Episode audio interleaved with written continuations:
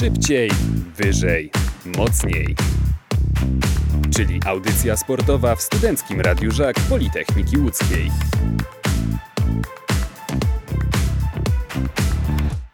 Teraz czas przejść, e, nieco zmienić kolejność, e, którą planowaliśmy od samego początku. Porozmawiamy trochę o tym, dlaczego w ŁKS-ie jest, było tak źle, jak było. Z nami w studiu już na pewno nie rodowity sobocianin, Krzysztof Sędzicki, e, telewizja Toja, WP Sportowe Fakty. Dzień Dobry, dobry, wieczór. dobry wieczór. Ale z Trójmiastem bardzo związane mimo wszystko. Kocham Trójmiasto całym sercem. Ale wiemy, że nie urodzony w Sopocie, tak. No to Na co, zaczniemy od tego trudnego pytania, dlaczego w ŁKS-ie jest tak, jak jest? Jak ty to oceniasz? No, nie wiem, czy mamy tyle czasu, e, ale przede wszystkim zacznijmy od tego, że e, no, ja tego unikam, ale no, cały czas jawi mi się to wszystko tak samo jak 4 lata temu. Czyli efektowny awans do ekstraklasy, zachłyśnięcie się tym awansem i później jednak brak tego takiego właśnie ekstraklasowego wyrachowania, doświadczenia, może trochę pozycji w negocjacjach transferowych i tak dalej. E, No bo jednak, co by nie mówić, e, to jest środowisko, które weryfikuje, czasami wypluwa bardzo brutalnie i mimo, że się wydaje, ja też należę do tej grupy, która uważała, że nie ma takiej przepaści między pierwszą ligą a ekstraklasą. No, ale jednak jest. No, ale przecież Janusz Dziedzic kilkukrotnie mówił, wyciągnęliśmy wnioski z poprzedniej przygody w, eks- w Ekstraklasie. No właśnie i z drugiej strony wiele rzeczy zostało zrobionych jednak zupełnie inaczej niż przy tej pierwszej przygodzie, bo wtedy bardzo postawiono na tych ludzi, którzy zrobili awans do pierwszej ligi. Teraz jednak było sporo tych transferów. Wtedy mówiono o tym, że ŁKS ma wnieść nową jakość, świeżość piłkarską do ekstraklasy. Był to taki jednak ŁKS bardziej naiwny, bardziej ofensywny. Teraz nawet za Moskala moim zdaniem był trochę bardziej pragmatyczny, no a potem był w ogóle stokowcowy, więc zupełnie bardziej pragmatyczny. No i wreszcie inaczej reagowano na ten kryzys, bo wtedy postawiono na zaufanie do Moskala, a teraz od razu go zmieniono i wydaje mi się, że może to jest w ogóle najbardziej depresyjne i dołujące dla kibiców ŁKS-u, że pomimo tego, że przyjęto dwie różne strategie, to efekt jest dokładnie taki sam, a teraz nawet gorszy w sumie niż 4 lata temu. Znaczy, tu zauważmy też, że okej, wymieniono kadrę, ale wymieniano tę kadrę w trakcie y, już sezonu, czyli w momencie, kiedy już te rozgrywki ruszyły. Na obóz pojechała inna grupa przygotowawcza, a właściwie później co kolejkę to dołączał nowy piłkarz. I to też pewnie nie służyło. Y, in- Zintegrowała się ta, ta grupa tak naprawdę dopiero na obozie zimowym w Turcji. Podobno było wszystko ok. E, Tylko no właśnie też pytanie, czy, czy to sportowo była, jakościowo sportowo była to do drużyna tak dobra, żeby mówić, że ona rzeczywiście mm, no, zbudowana inaczej, ale czy na odpowiedniej jakości. Ja cały czas wracam do dyskusji, mieliśmy taką y, z Żelkiem Rzeżyńskim na początku sezonu, on mówił, że, że Marcin Flis, że zakłada fanklub tego, tego piłkarza. No bo to jest tak, że jest chyba taka grupa graczy, która niezależnie od tego, czy kluby, nie wiem, spadają, awansują, to oni gdzieś zawsze są w tych rejonach y, dolnych tabeli i właściwie Marcin Flis na przykład do takiej grupy należy. No Marcin Flis do tej pory nie spadał z Ekstraklasy, bo Stal Mielec to fenomen, jak się okazuje. Rzucę swoją teorią, którą mam od jakiegoś czasu, ale awans do Ekstraklasy wywalczony przez Kazimierza Moskala został wywalczony głównie dzięki fenomenalnej jesieni. Ta wiosna to już były problemy, to już był kryzys chociażby wyjazdowy w tej drużynie, z którą Kazimierz Moskal sobie nie poradził i to było wiosną dużo więcej przepychanych spotkań. Jedną bramką, gdzieś tam piłką odbitą przypadkowo od Dawida Korta czy Władysława Ochrończuka i to nie był awans y, sportowo tak ładny, że moglibyśmy później zakładać, że w Ekstraklasie będzie dobrze. No i to chyba teraz y, właśnie wychodzi, że ten awans y, trochę na siłę, trochę przez to, że ŁKS był w tak dobrej pozycji, że trudno było to zepsuć. No i w Ekstraklasie są efekty. Czyli uważasz jednym słowem, że źródło tych problemów ŁKS-u dzisiejszych jest nie pół roku temu, tylko rok temu. Tak, ja, Okej. ja dlatego byłem, e, zdradzę to, byłem wielkim e, fanem zwolnienia Kazimierza Moskala, bo uważałem, że zespół, który wpadł w kryzys, przez e, całą rundę nie był w stanie wygrać meczu wyjazdowego, no bo ten Bełchatów, ta Skrano, to nie był mecz wyjazdowy, nie Mówią, że oszukujmy się. Bełchatów to nie wyjazd. No nawet właśnie. Frekwencyjnie na trybunach było właśnie. Jeżeli także. przez pół sezonu nie jesteś w stanie wyciągnąć drużyny z kryzysu, no to coś tutaj już jest nie tak. Znaczy, ja właśnie mam trochę problem z tą tezą, że problemem ŁKS-u jest poziom sportowy kadry, bo z drugiej strony kurczę, jak spojrzymy na inne drużyny z dołu Ekstraklasy, jak spojrzymy na taką Puszczę Niepołomice, na Ruch, które ŁKS wyprzedzał przecież rok temu w tabeli, drużyny, które też mają swoje duże problemy i ograniczenia finansowo-organizacyjne, drużyny, które nie zrobiły jakichś wielkich transferów wcale przed wejściem do Ekstraklasy. I drużyny, które też ten awans trochę wziął z zaskoczenia, bo ten argument też się często powtarza, że ŁKS nie był przygotowany, no ale Ruch też nie był przygotowany, bo był Beniaminkiem i Puszcza też nie była przygotowana, no bo to Puszcza i to była wielka sensacja dla każdego, że ona w ogóle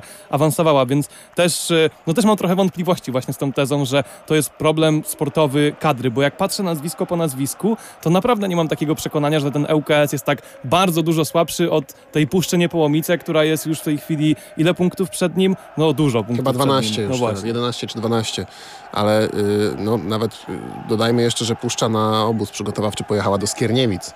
Wow, to jakby ŁKS do Skierniewic pojechał, to by dopiero było. Puszcza nie odpuszcza w Puszcza końcu, nie prawda? odpuszcza, zresztą dziś też nie, nie odpuściła i remis z Zagłębiem jest. Y, To po kolei.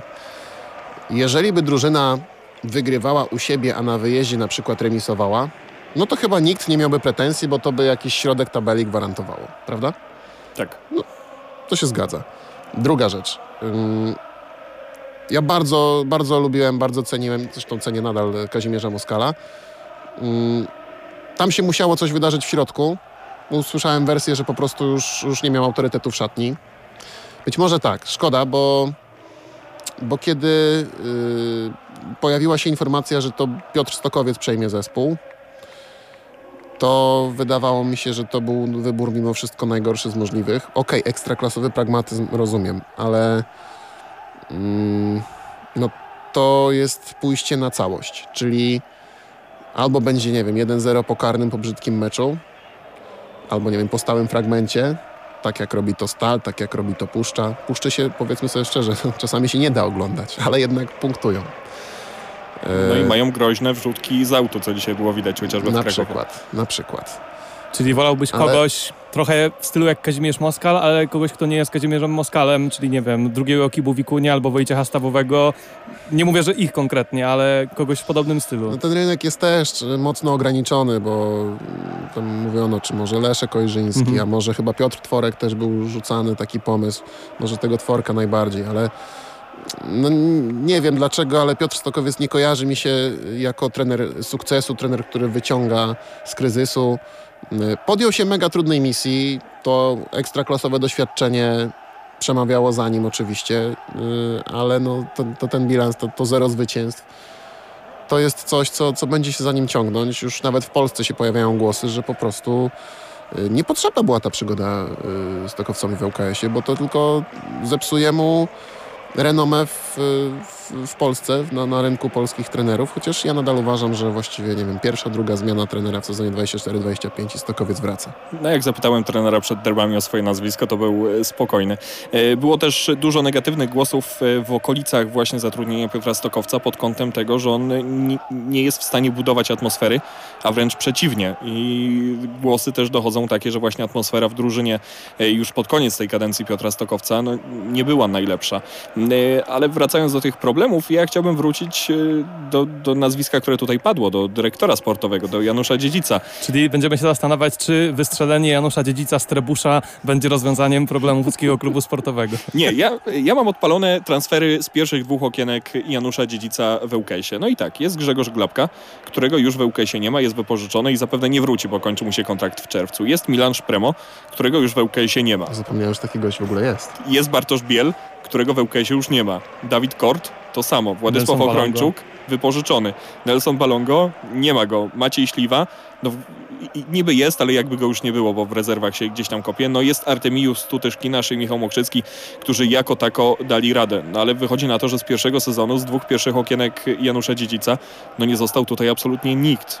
Później się okazuje, że trzecie okienko i po pół roku już e, zjazd do bazy zalicza Anton Fase, który był transferem gotówkowym. ŁKS zapłacił za to, żeby go ściągnąć. E, No i Adrian Małachowski, jego też już tutaj nie ma. I tu może jest problem, bo Kazimierz Moskal, e, z tego co gdzieś tam różne głosy docierają, on bardzo mocno mówił, że chce zawodnika na pozycję numer 6. Że chce zawodnika na pozycję numer 6, a takiego nie dostał. Maciej Ambrosiewicz miał być według trenera właśnie tym przykładem zawodnika, którego on chce, którego on widzi. Ale Janusz Dziedzic stwierdził, że on za niego nie zapłaci, bo Termalika chce za duże pieniądze, a później się okazuje, że płaci za Antona Fasę. Nie chcę być adwokatem diabła, mm, natomiast ja będę się upierał przy tym, można mnie linczować, wieszać. Ja uważam, że i tak ta ekstraklasa jest za duża i bardzo trudno obsadzić 18 zespołów w elicie niezłymi, przyzwoitymi piłkarzami. A z drugiej strony wjeżdża taka puszcza, która jeżeli ma być ktoś z zagranicy wartością dodaną, to jest Artur Kraczyn, tak, albo Roman Jakuba i okej, i grają, i strzelają nawet czasami. Y, Myślę z kolei o ruchu, bo tam naprawdę też paru ciekawych piłkarzy, nawet Daniel Szczepan, który tydzień temu zdaje się, że to on szalał tam w meczu z... y, Nie, to teraz strzelał z Jagiellonią, tak? Dobrze pamiętam? Tak, przewrotką, ale No nie właśnie. Ale w ogóle bardzo aktywny gość. Czyli teoretycznie można myśleć, że można, chociaż no, można się spierać, czy ruch jest ciekawie, czy nieciekawie zbudowaną drużyną, ale i tak jest w strefie spadkowej. No i myślę, że UKS też jest ofiarą tego, że mm, no nie ma za dużo aż takich piłkarzy na rynku, którzy podjęliby się ekstraklasy i by w niej nie zatonęli.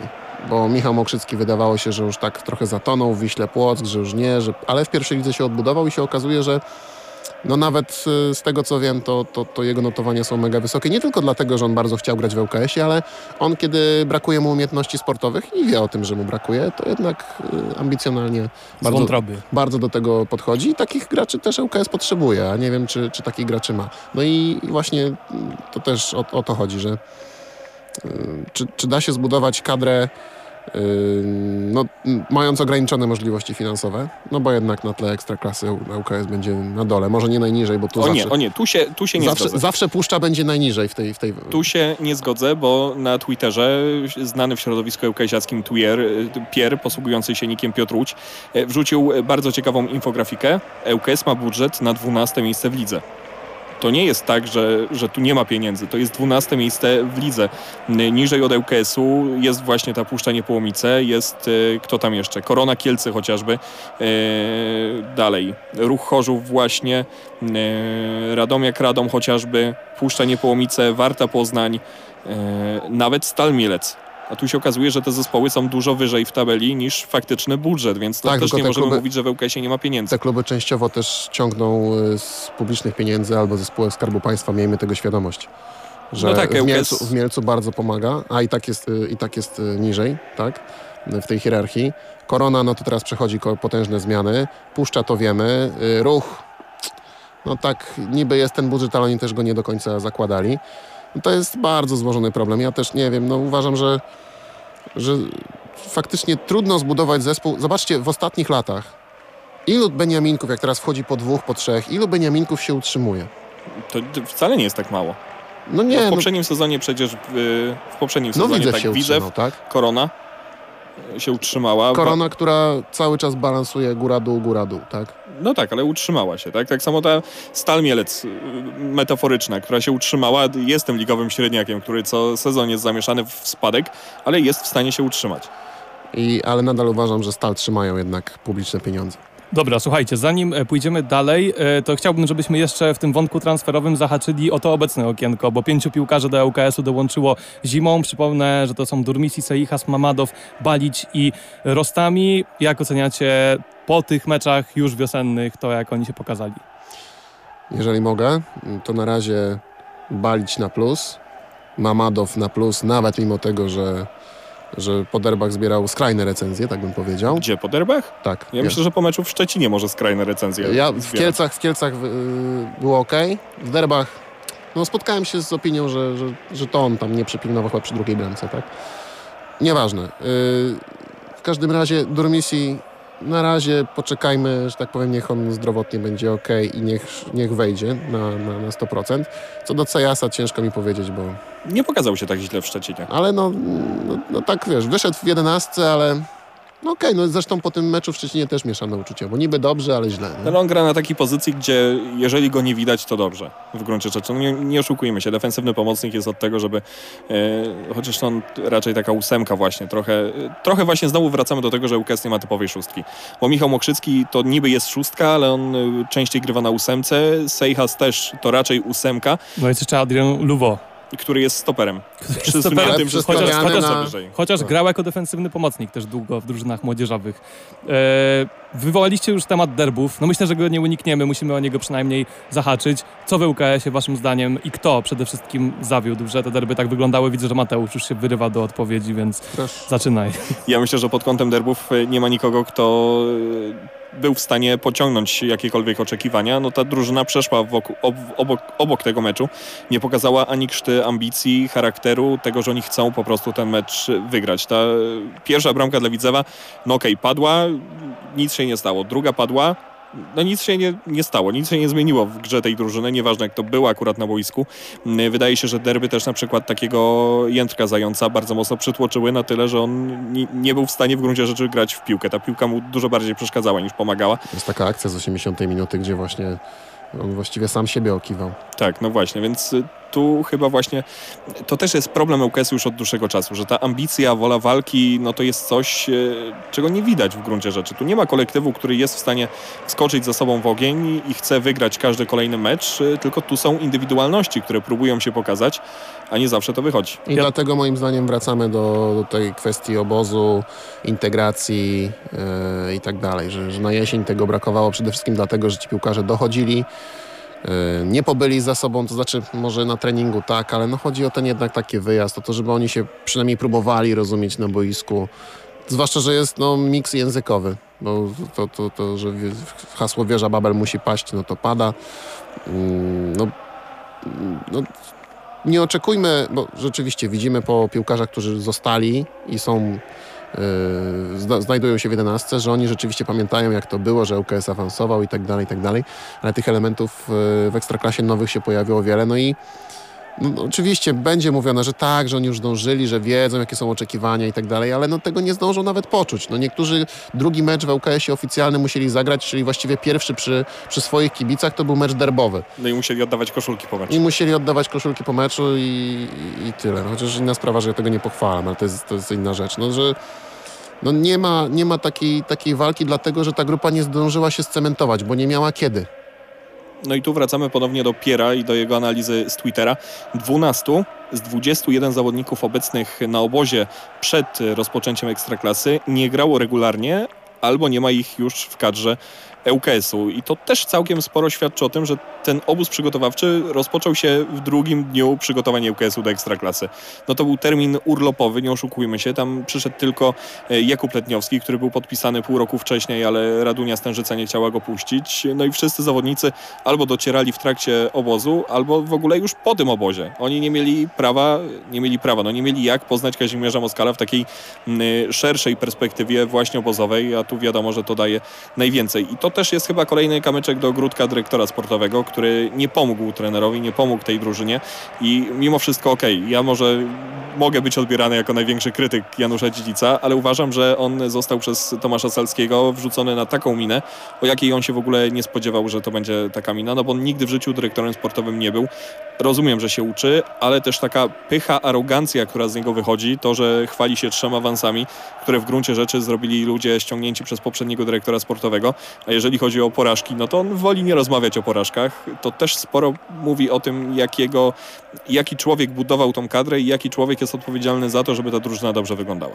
Jeśli chodzi o derby, ja też skłaniam się ku tej tezie, która trochę pachnie takim piłkarskim populizmem, bo oczywiście zawsze najłatwiej jest powiedzieć, że chłopakom się nie chce, że nie ma komu biegać i tak dalej, ale rzeczywiście brakowało mi tego, co trenerzy określają oględnie cechami wolicjonalnymi, a tak jak powiedziałeś, Krzysztof, też trzeba trochę głębiej poszukać źródeł tego braku tych cech wolicjonalnych. Do tego jeszcze na pewno można dodać brak po prostu pewności siebie, co jest naturalne po takich wynikach, że zwłaszcza kiedy wpada pierwsza bramka w meczu derbowym, to zespół, kiedy nie ma tej pewności, nie ma w tej wiary we własne możliwości, to łatwiej się załamuje. Przekroczyliśmy mniej więcej półmetek naszej rozmowy, patrząc na to, ile mamy e, miejsca, ile mamy czasu na nią przewidzianego, więc chciałbym, żebyśmy odeszli trochę od patrzenia w przeszłość i spojrzeli ku przyszłości, chyba, że Mateusz jeszcze Tak, masz ja na chwilę, wolny na chwilę do do przeszłości chciałbym rzucić jedno nazwisko. Mateusz Kowalczyk. Jak bardzo jego brak jest y, odczuwalny w ŁKS-ie i dlaczego na tyle, że ta drużyna wygląda tak, jak wygląda, bo nie udało się znaleźć konkretnego zastępcy. No może po przyjściu Balicia jest troszkę lepiej.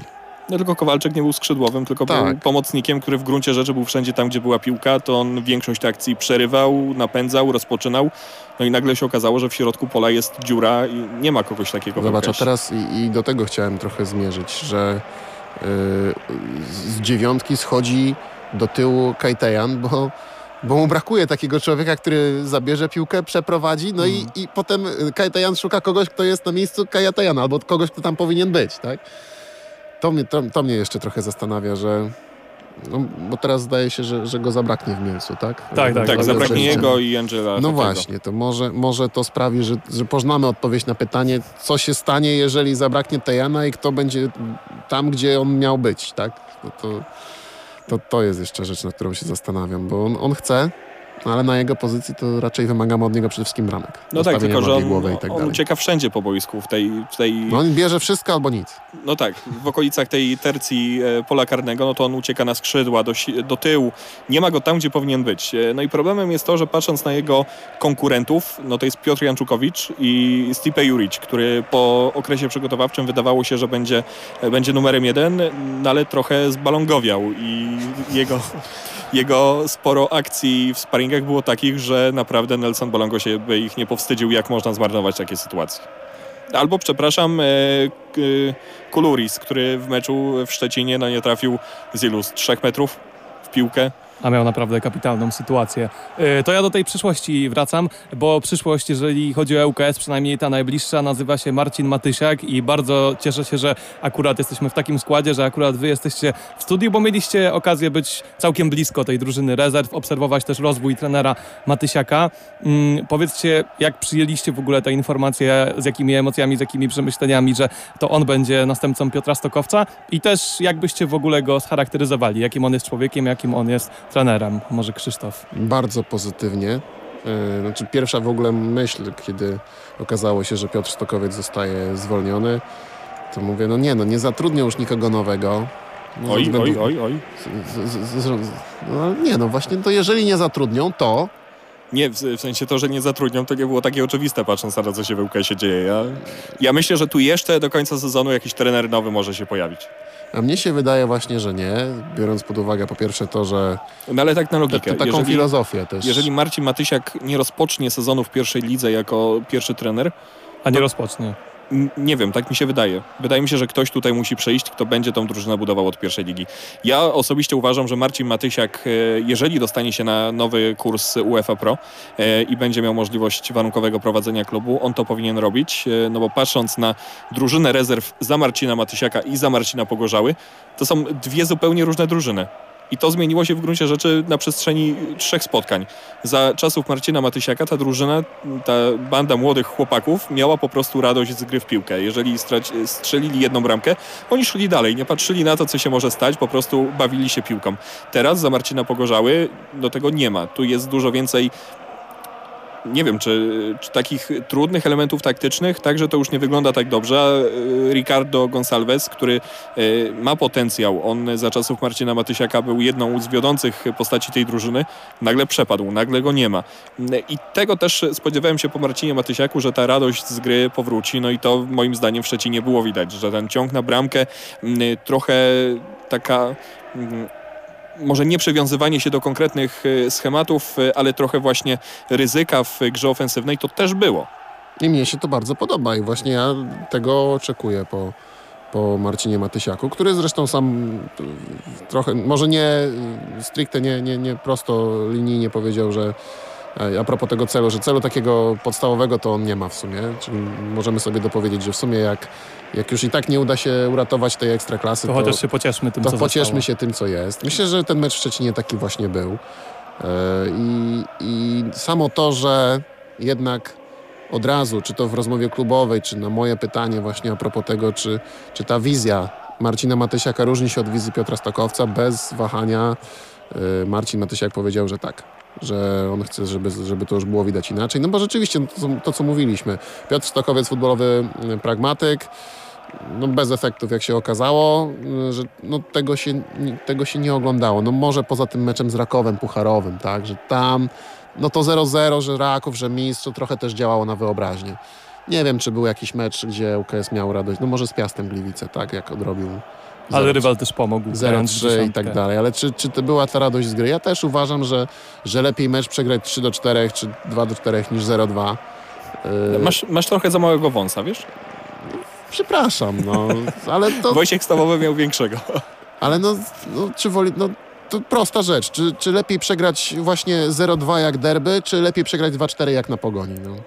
No, mimo Punktów wszystko, za to nie dają, ale wydaje mi się, że no, masz świadomość, że zrobiłeś więcej jednak. Tak, to, to zdecydowanie. I patrząc na matematykę, ŁKS jeszcze może się utrzymać. No w sumie, znaczy nie, chcę, nie chcę tu nic grzać, pompować ani tak, i tak dalej, no ale mecz w Mielcu do wygrania, mecz z Puszczą do wygrania, teoretycznie. No jest e, I robi, mecz, się, robi się sześć. mecz w Mielcu i to do tego jeszcze później mecz w Łodzi, no bo wiadomo, że ten teraz w środę jest zaległy. Później jest Puszcza, jest Warta, jest tam jakiś Piast, e, jest tam jakieś Zagłębie Lubin. No w gruncie rzeczy teoretycznie może, można to zrobić. I po tej zmianie trenera ja mówiłem, że jeżeli chcemy się utrzymać, potrzebujemy cudu. Ale chyba nie ma lepszego cudotwórcy niż Marcin Matysiak. Jeżeli ktoś ma to zrobić, to właśnie on. Nie, mówię, nie, nie chcę, żeby to zabrzmiało, że ja teraz od razu będzie y, nie wiadomo jak ŁKS lepiej grał, ale no nawet ta wiosna w Ekstraklasie pokazuje. Śląsk, który świetnie punktował na jesień, no teraz dwa punkty w trzech meczach. Jagiellonia, super bramko strzelna, okazuje się, że można ją zatrzymać. Yy, no Lech odpala, tak. Legia nie wiadomo, Raków się chyba z walki o mistrzostwo wypisuje. No mamy przetasowania. No Górnik dzisiaj Zabrze też. Ostatnie 10 meczów, jakby zrobić tabelę za ostatnie 10 meczów, Górnik Zabrze liderem, liderem Ekstraklasy.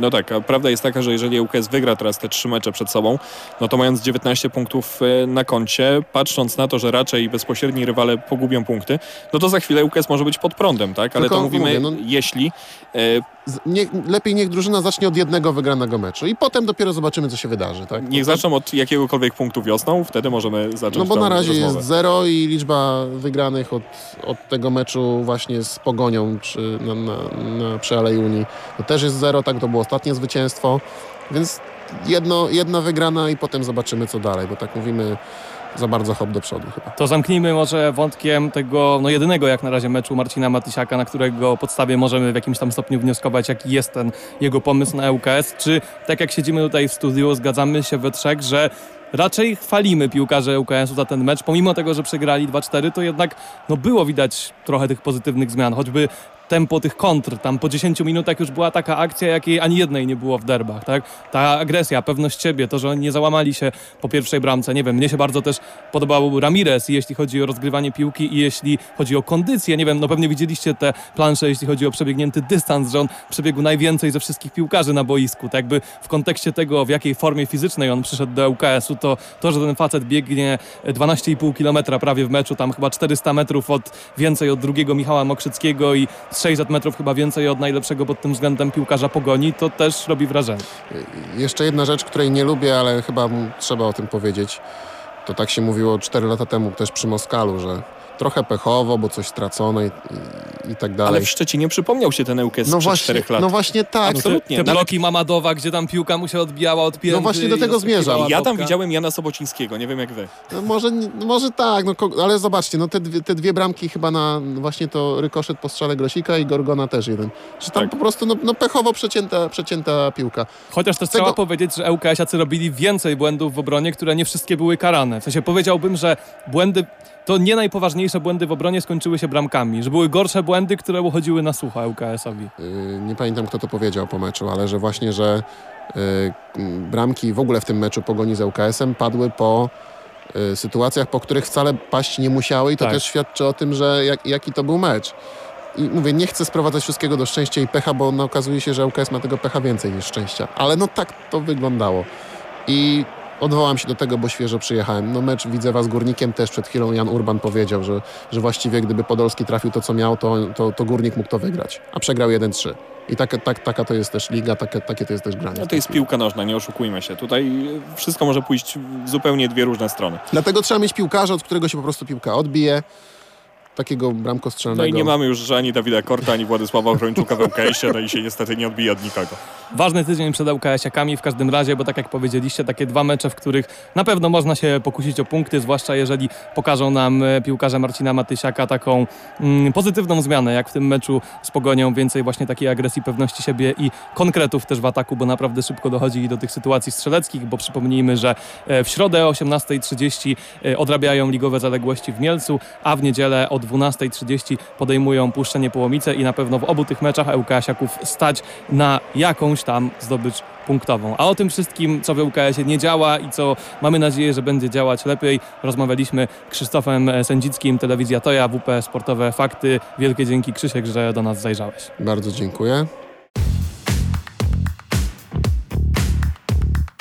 Szybciej, wyżej, mocniej czyli audycja sportowa w Studenckim Radiu Żak Politechniki Łódzkiej.